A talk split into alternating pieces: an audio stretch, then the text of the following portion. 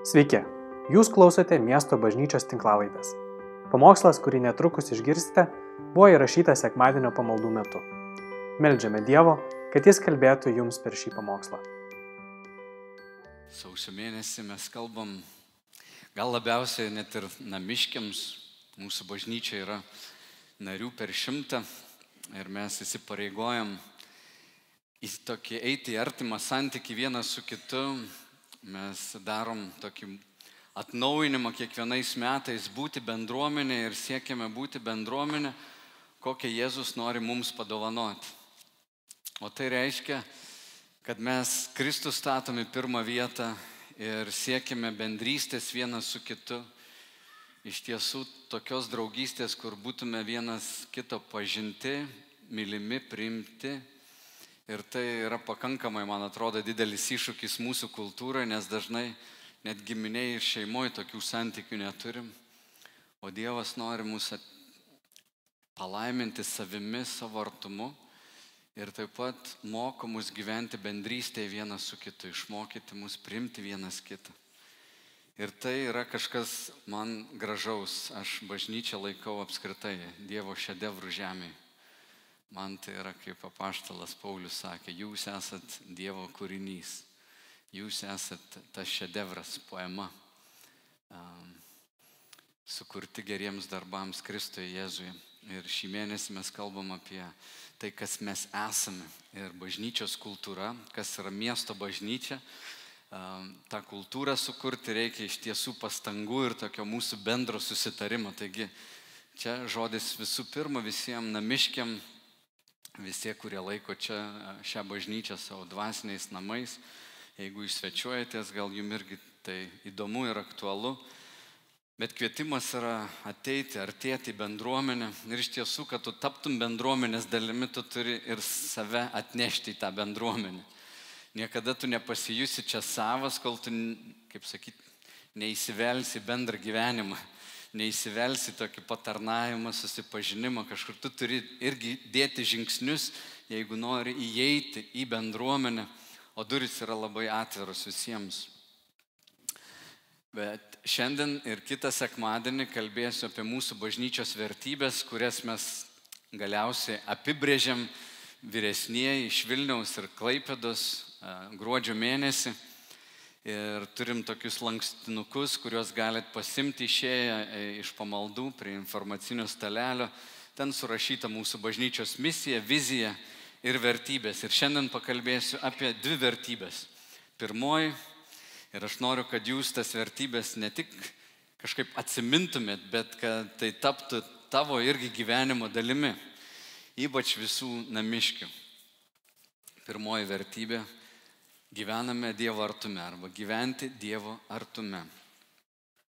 Mes siekiame išgirsti ir paklusti šventai dvasiai, kad visa garbė atitektų Dievui. Mūsų vertybė yra būti Dievo šlovėje arba Dievo artume visą savo gyvenimą, ne tik kai mes susirinkam kartu, bet nuolatos. Ir mes siekime išgirsti ir paklusti šventai dvasiai, kad visa garbė iš to, ką mes darom, kaip mes tarnaujam Dievui, atitektų pačiam Dievui. Nes bažnyčia yra Dievo kūrinys. Bažnyčia yra tai, ką šventoji dvasia pradėjo sėkminių dieną, kai nusileido Jėzaus. Sakė, tai yra tėvo pažadas ir Dievo dvasia pripildė bažnyčią žmonės ir jie turėjo misiją eiti visą pasaulį, skelbti Jėzaus mokslą ir kad visi žmonės pažintų, koks yra geras Dievas. Ir bažnyčia negali pati egzistuoti neturėdama tokio artimo ryšio su šventaja dvasia. Kai kurie gal nesate išgyvenę taip ar tai artimai Dievo buvimo ir aš meldžiu, kad Dievas apsireikštų tau, kad tu kiekvieną savo kūno lastelę pajustum ir išgyventum Dievo artumą, kad tavo protas būtų atnaujintas, dvasia būtų pripildyta, kaip mes ir gėdojom, kad tas Dievo kaip vėjas papūstų, mus įkvėptų ir pakeltų. Man yra įstrigęs vienas dalykas apie bažnyčią toks, kur yra kartais bažnyčioje pavojus. nežinau iš tikrųjų ar tikra istorija, bet man tikras žmogus pasakoja, amerikiečių pastorius, kuris citavo kinų pastorius. Kinų pastorius atvažiavo, aplankė keletą bažnyčių e, Šiaurės Amerikoje ir kai jo paklausė, ką tu galvoji apie Amerikos bažnyčias, jis pasakė tokius žodžius, sako, aš nustebęs, kiek daug galima padaryti be Dievo. Toks, pala. Ir čia tokia, e, reiktų taip labai švelniai tai pažiūrėti, įsikelia, ar dar kažkokie drastiški tokie pokyčiai vyksta, ar būtų galima taip viską nubraukti ir sakyti, jeigu tarnystė nėra tokia drastiškai pastangom, kad Dievo veikimo, jo to artumo net žmonės neišgyvena. Ar esat kas girdėję apie ateistų, ateistų bažnyčią, kuri prasidėjo Anglijoje 2013 metais? Aš žiūrėjau BBC reportažą apie bažnyčią, jos vadinasi e, Sunday Assembly ir šį rytą net pasitikslinau dar. Tai yra sekmadienio susirinkimas, jie dabar turi 45 tokius susirinkimus arba bažnyčias, e, kuriuose ir aštuoniuose šalyse kur jie sako, mes neturim doktrinos, mes netikim Dievu, mes netikim nieko angamtišku, bet štai kokios mūsų vertybės. Mes gėdame giesmės tokias arba dainas įkvepiančias, ateina įkvepiantis pamokslininkai, žodžiu, visus užkuria ir paskui mes geriam kavą arbatą. Ir jie renkasi tokiuose vietose, atrodo viskas kaip bažnyčia. Ir jie sako, mes esam radikaliai priimantis visus, mes džiaugiamės gyvenimu, skatinam žmonių nuostabą gyvenimu ir padedam kaimynams, žodžiu, kuriam geresnį pasaulį. Ir viskas skamba fantastiškai, ar ne? Skamba kaip bažnyčia, tik tais Dievo ten nėra. Ir prisikėlęs Kristus tikrai nėra ten išaukštintas. Bet žmonės nueina, jie gauna įkvėpimą. Ir jie renkasi du kartus per mėnesį, gėda ten, dainuoja, ir viskas atrodo fain. Bet krikščioniška bažnyčia radikaliai skiriasi. Jeigu tu ateitum ir tai pažiūrėtum, sakytum, gal net nėra skirtumo. Ten irgi žmonės dainuoja, paskui kažkas kalba, paskui geriam arbatą, užsimes garyšiai. Bet bažnyčia be Kristaus centre ir krikščionių gyvenimas nepašvestas Jėzui yra kažkoks nesusipratimas. Jeigu prisikėlimas yra patraukiamas iš bažnyčios, jeigu prisikėlęs Kristus nėra mūsų absoliuti viltis, vienintelis toks gyvenimo tikrasis pamatas, tai viskas pavirsta kažkokia keista tokia religija, kažkokia keista žmogiška praktika. O mes esame Dievo vaikai, kuriuose gyvena Dievo dvasia ir mūsų bendrystė su šventaja dvasia, su tėvu, sunumi ir šventaja dvasia ir yra mūsų gyvenimo džiaugsmas. Ir jeigu to nėra, tai aš nežinau, kas yra. Tada yra kažkas tokio, kažkokia žmogiška kūryba. Bet Kristus prisikėlęs mumise yra mūsų absoliutus džiaugsmas. Štai kaip Jėzus apie savo tarnystę pasakė. Dievo sunus tapė žmogumi, prisėmė žmogaus kūną. Ir Jėzus tarnaudamas žmonėms, savo mokiniams, jis tokius žodžius sako. Jono Evangelijos penktas skyrius. Jėzus jiems atsakė, iš tiesų, iš tiesų sakau jums, sunus nieko negali daryti. Pasakyk, nieko negali daryti. Žinau, ką reiškia nieko negali daryti? Jaučiu, kad visi suprantat. Bet nežinau, ar tikim iki galo taip. Sako, sunus nieko negali daryti. Nieko negali daryti iš savęs, o vien tai, ką mato darant tėvą. Ar Jėzus galėjo pats pavalgyti? Kaip jums atrodo? Ar galėjo iš kaimo į kaimą nueiti? Taip. Man atrodo taip.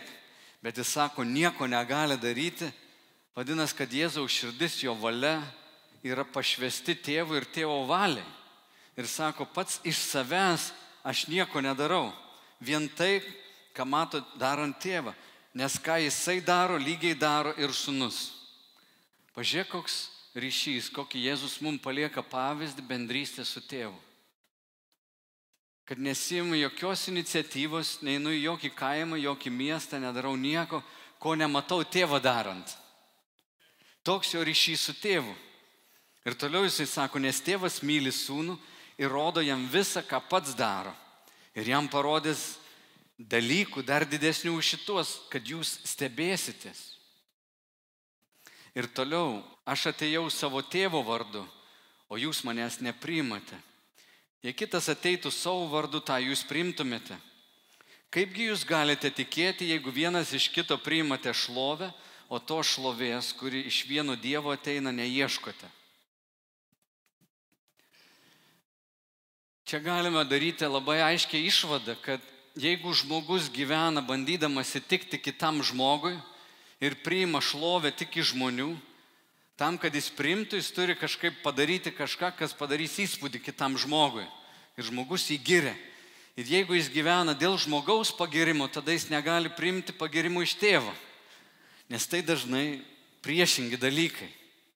Atsimenat, Jėzus pasakė Petrui, pasitrauk nuo mane šetonė, nes tu matai ne tai, kas Dievo, tai kas žmonių. Jeigu tu mastai vien žmogiškai, tu kažkokioj kitoj bangoj. Tu ne į tą FM radiją stoti įsijungiai, tu kažkokią kitą bangą gaudai. Ir čia Jėzus sako, kad jeigu žmonės vien gaudo žmogiškas bangas, jeigu jiems svarbu tik tais, ką kitas pagalvoja ir jam tik šitas ryšys svarbus, didžiausia tikimybė, kad jis pamins tai, kas ateina iš Dievo stotelės, iš jo, iš jo stoties. Ir, ir čia mes kaip tikinti žmonės, mes turime išmokti savo gyvenimą pavesti Dievui. Ir tai yra visą gyvenimą trunkantis procesas, kad mes taptumėm tie, kurie Jėzui pašvenčiam savo visą gyvenimą. Visą gyvenimą. Ne pusę, ne truputėlį, bet visą savo gyvenimą. Ir tą mums reikia išmokti bejėgiškumo. Dvasinis gyvenimas yra tiesiogiai susijęs su žmogaus bejėgiškumu gyvenime. Matome, kai auga mus aplinka, tėvai mokina būti savarankiškais, mes išmokstam pasitikėti savimi, mes išmokstam daug ką daryti Ir mums tapti kaip vaikai yra iššūkis. Mums tai yra naujovė, o Jėzus atsakydamas mokiniams jų klausimus, mokytau, kas yra didžiausias? Pasižiūrėjau, kur yra vaikas, sako, ateik vaikui, pasikvietė vaiką, pastato į vidurį ir sako, jeigu jūs neprimsite Dievo karalystės, jeigu jūs netapsite kaip vaikai, jūs neįeisite Dievo karalystę. Suaugusiems žmonėms jisai sako, jūs turite tapti kaip vaikai. O žinot, vaikai kokie yra. Pas jų labai daug naivumo. Aš beveik nesu sutikęs vaikų, kurie būtų pilni tokio ciniškumo. Žinai, per nusivylimus įgytas toks cinizmas, nėra jų savybė. Jie yra naivus, jie pasitikė tėvais, jie gali prašyti, jie gali klausinėti, iki įkyrėjimo gali prašyti. Ir jie ateina tokie paprasti, paprasti ir sako, man kažko reikia.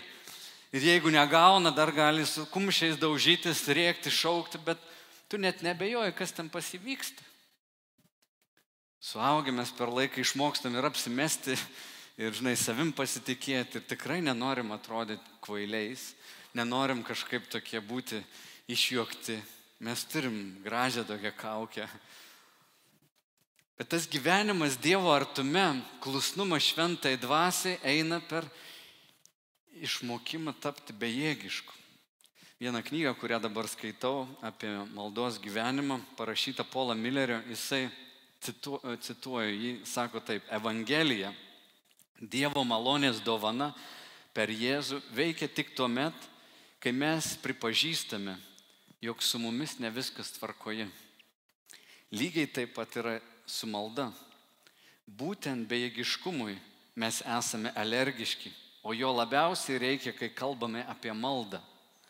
Malda ir veikia, nes mes esame bejėgiai. Mes negalime patys susitvarkyti savo gyvenimu. Mes negalim, bet mums atrodo, kad galim. Kada žmogus nuoširdžiausiai ieško Dievo. Kada žmogus šaukėsi taip desperatiškai Dievę pagelbė. Kada žemė iš pokojų išslysta. Kada kažkokį liepto galą prieini. Kada tu bandai, bandai ir tau nebeišeina. Stinkat, kad iš tikrųjų tau pačios nuoširdžiausias ašaros rėdinčios veidą, kada tu kreipiesi Dievą, yra, kad tu nebesusitvarkai. Ir ne vienas neseniai išgyveno tokį Dievo artumą. Aš rytą jį pakviečiau, kad jis paliudytų come up here? Aš noriu, kad jūs išgirstumėt Nova. Jam dešimt metų. Would you tell us what happened a week ago? So, last week, well, Praeitą the week savaitę, before last week, prieš dvi savaitės, um, I was at Manna aš buvau at the prayer manoje meeting, maldos susirinkime. and then um, Mr. Thomas Ponas Tomas was praying that the, Holy, meldėsi, that the Holy Spirit would come kad šventoji dvasia ateitų and fill the place in the room. ir pripildytų visą salę. And then I felt this great joy, Ir aš pajutau didžiulį džiaugsmą. and I just started crying because I was so happy. Aš pradėjau verkti, nes jaučiausi toks laimingas. And it was just amazing. Ir tai buvo neįtikėtina. And how long did it go on? And it went on for the rest of the meeting. Visą susirinkimą tas pojūtis tęsiasi. So, aš ir interviu paimsiu. What, what do you think happened there and what, what was God doing in your heart? Ką And I- Dievas darė tavo širdie, kas ten vyko? I think that the Holy Spirit had come. Aš tikiu, kad šventoji dvasia atėjo And yeah.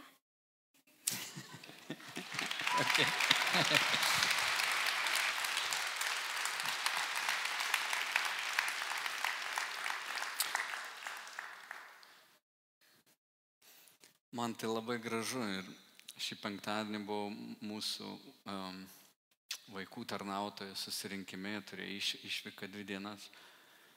Mes kalbėjome apie tai, kad vaikai yra žmonės.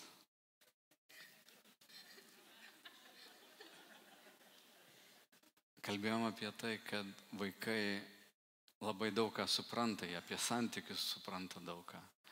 Vaikai um, neapsimetinėja. Iš tiesų, kai jie meldžiasi, Dievas atsako. Aš pasidalinau istoriją, kurią išgirdau prieš tris metus, buvau a, Atenuose konferencijoje ir ten vienas pastorius dalinosi apie tai, kad jų bažnyčia Airijoje, Šiaurės Airijoje, miesteliai, kur berots 15 tūkstančių žmonių gyvena, jų bažnyčia yra 3 tūkstančiai narių. Tai kas penktas gyventojas to miestelio. Ir žinot, įspūdingiausias dalykas, kuris man pasirodė, jie daug meldžiasi dėl išgydymų, fizinių išgydymų ir daug žmonių pas Dievą atėjo dėl, dėl to, kad viešpats išgydė fiziškai juos nuo įvairių nepagydomų lygų. O, o, o kas vyksta, sakė, kad žmonės ateina, tarkim, su kokiom negaliom į pamaldas, kai baigėsi pamaldas, vat, kur suaugę yra, tai e, daug suaugusių bėga greitai vaikų pamaldas ir prašo, kad vaikai už juos melstus. Ir Dievas labai daug ką pagydo, nes vaikai ateina tokiu nuoširdžiu paprastu tikėjimu, jokios tam pompos, jokio, jo, nieko, tiesiog uždeda rankas ir, ir meldžiasi. Ir Dievas gydo. Ir, ir mes kalbėjom apie tai, kaip svarbu, kad nu, bažnyčia mes nebūtum pasidalinę. Žinot, kad šiuo metu apie 50, gal 60 vaikų yra irgi turi pamokėlę, su jais dirba kiti suaugę žmonės, tarnauja jiems. Ir norisi, kad visa bažnyčia, kad mes suprastum, jog gyvenimas Dievo artume yra kasdienė tokia praktika, kurie ateina per nuolatinę maldą, per nuolatinį tokį bejėgiškumo pojūtį. Bejėgiškumas nereiškia kažkoks kvailumas, kad žmogus nebesusigauda, žinai, kaip čia per gyvenimą eiti, aš nežinau, kaip sumuštiniu be padaryti. Vyrai tai tikrai nereiškia, kad tu sėdi ant sofos su tuo pulteliu ir sakai, žmonai, mokausi dabar bejėgiškumo. O žmona susirbliu vaikšto po kambaris, o tu taip. Suprantat, kad ne apie tai kalba eina. vyras yra ne vyras, jeigu jis neprisima atsakomybės. Jis yra nežinau kas, vyriškos giminės atstovas. Bet vyriškumas yra, kad tu prisėmė atsakomybę, tu laikais duoto žodžio, tu, tu esi tvirtas, tu prisėmė atsakomybę ne tik už savo gyvenimą, bet už savo artimų žmonių gyvenimą, už visų pirma savo šeimos gerbuvį, finansinį, emocinį, dvasinį, tu esi kunigas namuose, tu esi pasišventis ir tu taip pat mastai apie savo miestą, apie savo laiptinę, apie savo gatvę. Čia yra vyriškumas. Bet su tokiu vyriškumu ir su tokiu vat, suvokimu, kad Dievas man davė kažką gyvės nuostatą, kurią mes turim puoselėti. Kai mes ateiname į pamaldas, mes sakom viešpatie, kalbėk mum, keisk mūsų širdį, mūsų protą, išmokyk mūsų mylėti, nes mes tavęs nemylim natūraliai. Mano protas, mano širdis linksta į dulkės. Aš prisidirbti galiu pats, bet kažką pastatyti, sukurti man reikia tavęs. O tokia yra vertybė, kad Kristau, tu esi čia svarbiausias. Ir kada mes plojam, mes plojam jam. Jam vienam visa garbė. Visada. Jam vienam. Nėra geresnį. Jis pats nuostabiausias. Ir jo reikia girtis. Ir jis paliečia berniuką, kuris atėjo į maldą su tėvais, jis paliečia močiutę, kurie atėjo į maldą, jis paliečia tuos, kurie jo ieško. Ir štai dalykas, kurio turim ieškoti. Kai tu atiduosi savo širdį pilnai Dievui, jis tau didžiausią dalyką padarys, jis save tau padovanos. Praktiškai kalbant, ta prasme, kad jis į tokią draugystę nori ateiti, kur tavo širdis pilnai pašvesta ir jis yra tau pilnai atsidavęs, jis tave pilnai myli. Tam mes esam pašaukti. Mūsų antroji vertybė yra pastatyta ant to didžiojo paliepimo. Jis skamba taip - tiesti tiltus. Tai yra evangelizacija.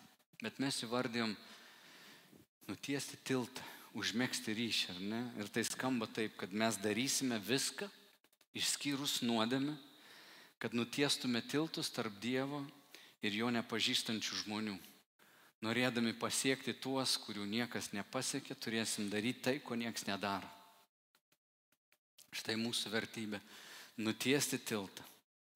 Dievas yra gelbėtojas.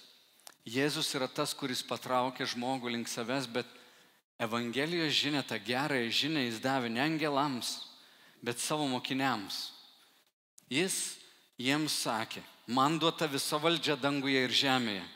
Todėl eikite ir padarykite mano mokiniais visų tautų žmonės, krikštydami juos tėvo ir sunaus ir šventosios dvasios vardu, mokydami juos laikytis visko, ką tik esu jums įsakęs. Ir štai aš esu su jumis per visas dienas iki pasaulio pabaigos. Amen. Tai yra Jėzaus paliepimas, eikit papasakokit apie tai, kas įvyko, apie mano prisikelimą, apie pergalę prieš mirtį ir kad žmonės įtikėję mane niekada nebemirs, turės amžiną gyvenimą, neberagaus mirties. Net jeigu paragaus pirmos mirties, fizinio kūno, tai antrosios mirties atskirimo nuo Dievo daugiau niekada neragaus. Tai yra gera žinia, kurią reikia skelbti visiems. Ir mūsų vertybė mes suprantam, kad tai yra labai svarbu. Nutiesti tiltus, daryti viską, išskyrus nuodėmę, bet mums tinka bet kokie būdai. Mes galim organizuoti koncertus, mes galim daryti kokias konferencijas, mes galim mokyti apie santokas, mes galim priimti našlaičius, mes galim eiti, gaminti, valgyti benamiams, mes galim daryti bet ką, cirką galėtumėm padaryti, jeigu ten žmonės susirinktų ir galėtumėm jiems papasakoti apie gerą į Dievą. Bet pirmas tas dalykas, dažnai atėjus pa žmogų, turi užsitarnauti jo, turi užsitarnauti teisę būti išgirstas, ar ne ypač šiais laikais, kai tiek daug visko pardavinėjama, turi užmėgsti ryšį ir dėl to mums patinka tas posakis statyti tiltą, nes tiltas gražus dalykas. Čia gyvena vieni, čia gyvena kiti. Juos skiria upė. Jie negali bendrauti, jie negali mainytis produktais. kažkas nutėsi tiltą ir jie gali eiti viens pas kitą, kaip nu, gražu. Ir jūs esat matę tokių paveiksliukų, kur yra kryžius, tokios dvi prarajas, čia yra žmogus, čia Dievas, Jėzus Kristus yra tarsi tas tiltas, tas kryžius.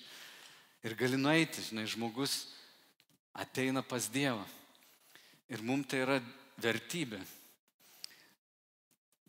Žmonės turi vairių savo tokių herojų jaunimui šiandien kažkam nori keisti pasaulį, taip įtikėję tais visais supergalių turinčiais žmonėmis. Kai aš žiūriu į supergalių turinti žmogų, bet tikrą žmogų, man yra paštalas Paulius. Ir aš skaitau, jis man yra toks švelnus tevelis, iš kitos pusės protą pametęs, išprotėjęs evangelistas. Jis yra žmogus, kurį, kurio neina užmušti, Jis nebijo eiti, skelbti, eiti ten, kur nieks neėjo. Vienu metu 40 vyrų prisiekė nevalgyti ir negerti, kol neužmuš Pauliaus. Aš galvoju, Dieve, nežinau, iš tavo malonės taip norėtųsi, vat, galbūt irgi į, į tokį gyvenimą iššokti. Ką turėčiau daryti šiandien, kad 40 žmonių sakytų, nevalgysim, negersim, kol to karoso neužmušim. Aš galvoju, wow, čia tai, ko aš turbūt per švelniai kažkaip gyvenu. Bet žiūrėkit, kuo Paulius degė, kaip jisai kalbėjo apie evangelizaciją. Korintiečiams jis rašo tokius žodžius. Sako, būdamas nuo nieko nepriklausomas, pasidariau visų vergas, kad tik daugiau jų laimėčiau. Jis nori laimėti žmonės. Žydams buvau kaip žydas, kad laimėčiau žydus, Tiems, kurie laikosi įstatymo, tapau besilaikančių įstatymų. Kad laimėčiau besilaikančius įstatymų, nors pats nesu jam pavaldus. Tiems, kurie neturi įstatymo, buvau kaip neturintis įstatymo. Pats būdamas nebe Dievo įstatymo, bet surištas Kristaus įstatymu, kad laimėčiau tuos, kurie neturi įstatymų. Silpniesiems pasidariau silpnas, kad laimėčiau silpnuosius. Visiems tapau viskuo, kad vienaip ar kitaip kai kuriuos išgelbėčiau. Visą tai darau dėl Evangelijos, kad būčiau jos dalininkas. Argi nežinote, kad lenktynėse bėga visi, bet tik vienas gauna laimėtojo apdovanojimą. Taigi bėkite taip, kad laimėtumėte.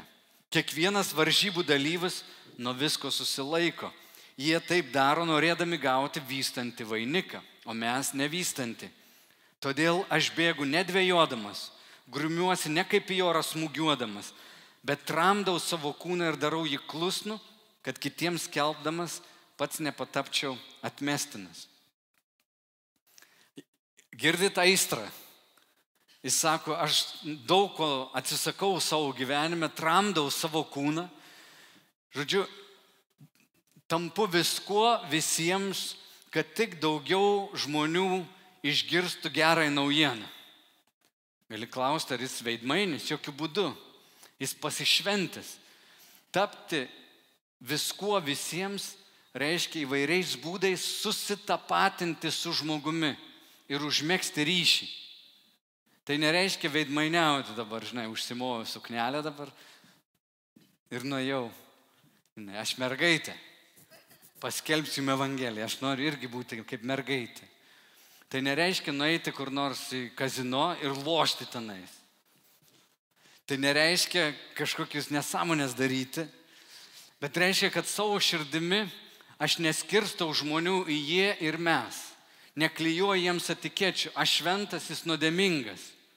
Paulius nežemina tų žmonių, jisai prieina prie jų ir kalbasi jų kalba. Tas, kuris išsigandęs įstatymu, ir bijo, kad įstatymas kažkokiu būdu jį taip nubaus, gyvena atsidavęs, Paulius irgi ateina ir sako, aš irgi laikausi įstatymų, nes jis yra šventas.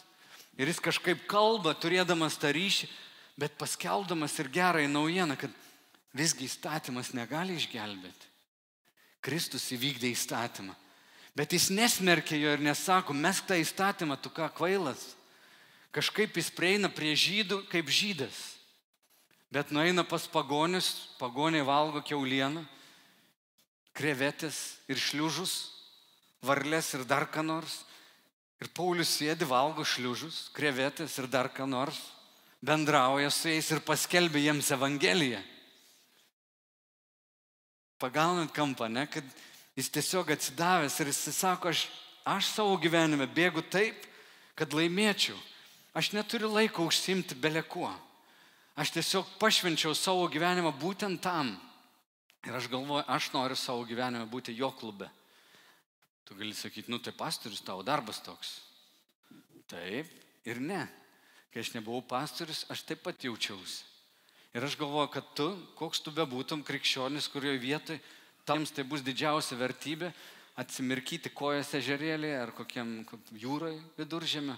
Aš galvoju, aš nenoriu, kad tai būtų mano gyvenimo tikslas. Aš nenoriu, kad tai būtų mano gyvenimo aistra. Nors puiku merkti ir tas kojas, nieko nėra, jokios problemos. Bet suvokim tai, kad kai širdis yra Dievui pilnai atiduota, tu gali džiaugtis ir jūra, ir, ir, ir, ir medžiais, ir gerų maistu, ir krepšiniu. Bet jeigu 50 procentų tavo širdies kaip krikščionio atiduota krepšiniui ir 50 Dievui, tai tu kaip krikščionis niekada nesidžiaugsi krepšiniu normaliai. Ir blogiausia, kad ir dievų negalėsi džiaugtis. Nes kai Dievas pirmoje vietoje, viskas kitkas savo vietoje. Ir jame telpa labai daug dalykų bet aistra turi būti kažkame viename.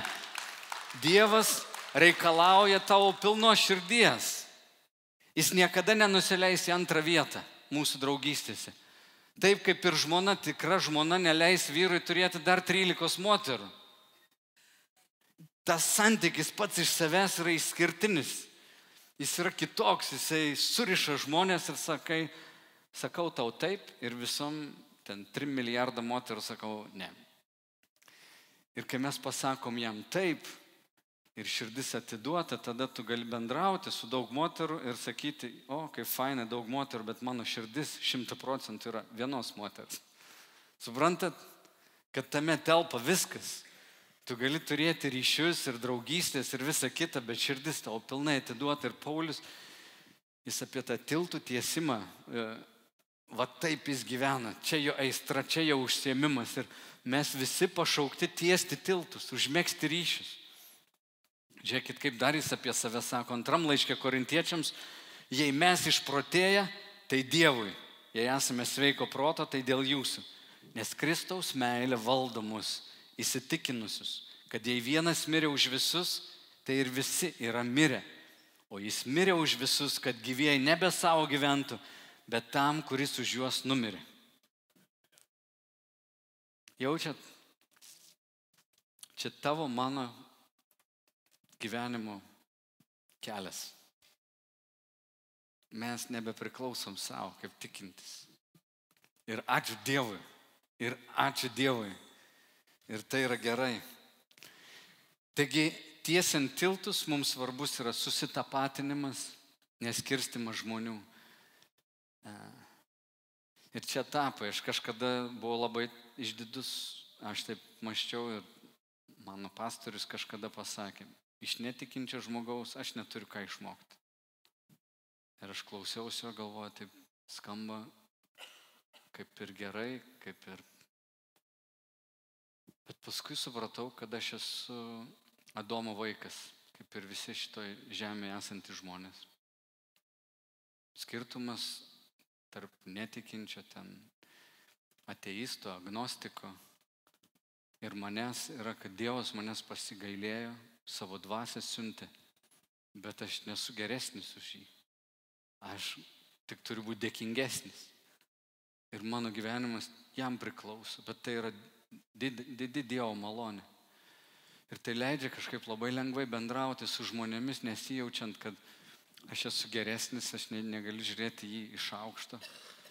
Man leidžia prie jo prieiti kaip prie brolio. Žinai, visi yra kaip iš to paties Adomo ir Jėvos. Ir čia yra gražu, tai žmonės yra gražus. Ir tai kitas dalykas pakeičia mūsų toną, kaip mes kalbam. Nes mūsų tonas, kada jis yra paremtas tikrą meilę ir pagarbą, jis yra švelnus, jis eina su tiesa, tu ne, neišsižadi, kuo tu tiki, bet tonas yra švelnus. Blogiausia, kai krikščionis tampa moralizuotojai. Šiandien Lietuvoje netgi žodis pamokslauti yra e, sulyginamas moralizavimui. Ir kaip liūdna, kai žmonės yra arba bažnyčia yra matoma kaip moralizuojanti. Žmonės sako, nepamokslauk man. O žmogus, kuris jaučiasi toks didesnis, kietesnis, jis ateina ir sako, tu čia blogai, čia blogai, čia blogai. Niekur nematau Jėzaus to darant. Niekur. Jūs po galais gerti. Zachėjo, tu baigsi vokti pinigus. Nu, niekur nėra tokio sakinio, suraskit man. Niekur. Jis sako, aš atėjau pas ligonis. Ir jis ateina ir nesako, lygu, susitvarkyk tu tą savo, žiūrėk, kokios lygos tau pūlė iš visur eina. Susitvarkyk. Įsivaizduok gydytoją tokį. Ką jūs čia privažiavote, tą ligoninę visi tokie nesveiki. Varykite iš čia. Ar nežinot, kad čia sterili aplinka? Mes, pažiūrėkit, ištepsit halatą mano. O kartais bažnyčia toks jausmas, žinai, tai pasitinkam sveikuosius. Vat, kas norit, užeikit. Tik žiūrėkit, kraujuoti neteikit. Mes priimam visus žmonės, su kuriais jau kaip normaliai galim bendrauti. Nu, kurie neturi jokių infekcinių lygų.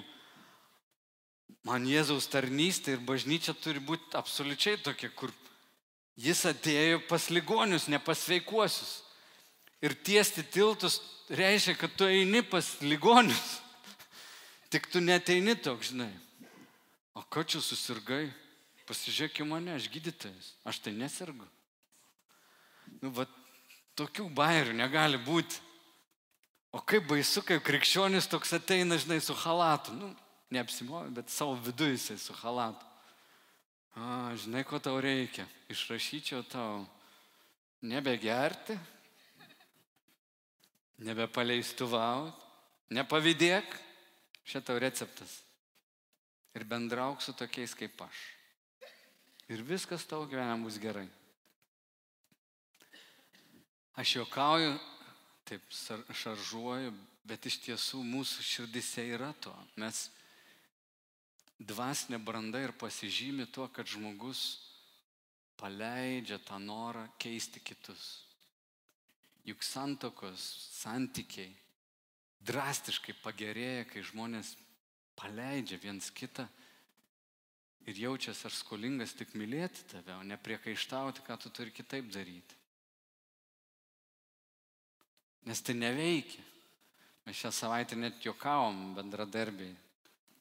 Sakau, reikia anksčiau, eik mėgoti, anksčiau būsi laimingesnis. Žmogus nuėjo anksčiau mėgoti laimingesnis buvo. Sakau, nu, va, nuo šiol supratai, kaip gyventi. Klausyk, ką aš sakau, daryk tai ir, ir tavo gyvenimas bus tobulas. Kaip būtų nuostabu, kad tai veiktų. Atėjai, pasakėjai, žmogus padarė, žiūrėk, viskas taip ir išėjo. Bet Jėzus atėjo suprasdamas, kad mes neturim jėgų įvykdyti to teisumo. Kad visi bejėgiai esam. Aš, tu, mes visi bejėgiai.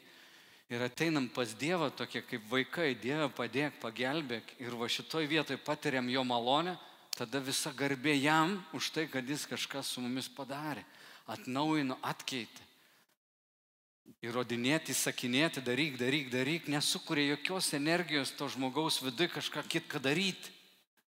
Pagaunat kampą, ne, jūs suprantat, kad kai žmogus nusideda, tu gali pasakyti, Dieve atleiskime, nes jis nežino, ką daro. Gali sakyti, Dieve atleiskime, nes jis neturi jėgų kitaip daryti. Ir va tai suformavo Jėzaus toną, kaip jis priejo prie žmonių. Ne kaip teisuolis, įsakinėdamas, įrodinėdamas, bet visiškai, visiškai toks uh, nusižeminęs. Ir tokia yra Dievo širdis. Ir mes visi pašaukti tai daryti. Taigi, brangieji, visi namiškiai, visi nariai, vasario pirmą mes vėl atnaujinam visi tą, tuos įžadus ir sakom, Dieve, mes norim tau tarnauti, paskirti, kad mūsų gyvenimas būtų pašvestas tau. Įsipareigoti kasdien statyti santykių su tavimi Jėzau, tarnauti bažnyčioje, gyventi Jėzų gerbinti gyvenimą, šventą gyvenimą. Jei suklumpam ieškoti pagalbos pas brolius sesės, čia mūsų įsipareigojimas. Ir mes einam ir mes kartu ieškom Dievo artumo ir mes žiūrim kaip bažnyčia, kiekvienas atskirai, kaip nutiesti tiltus. Ta darom dabar, darysim kitais metais ir dar po metų, ir dar po dešimt metų. Jėzaus Kristaus vardu. Amen.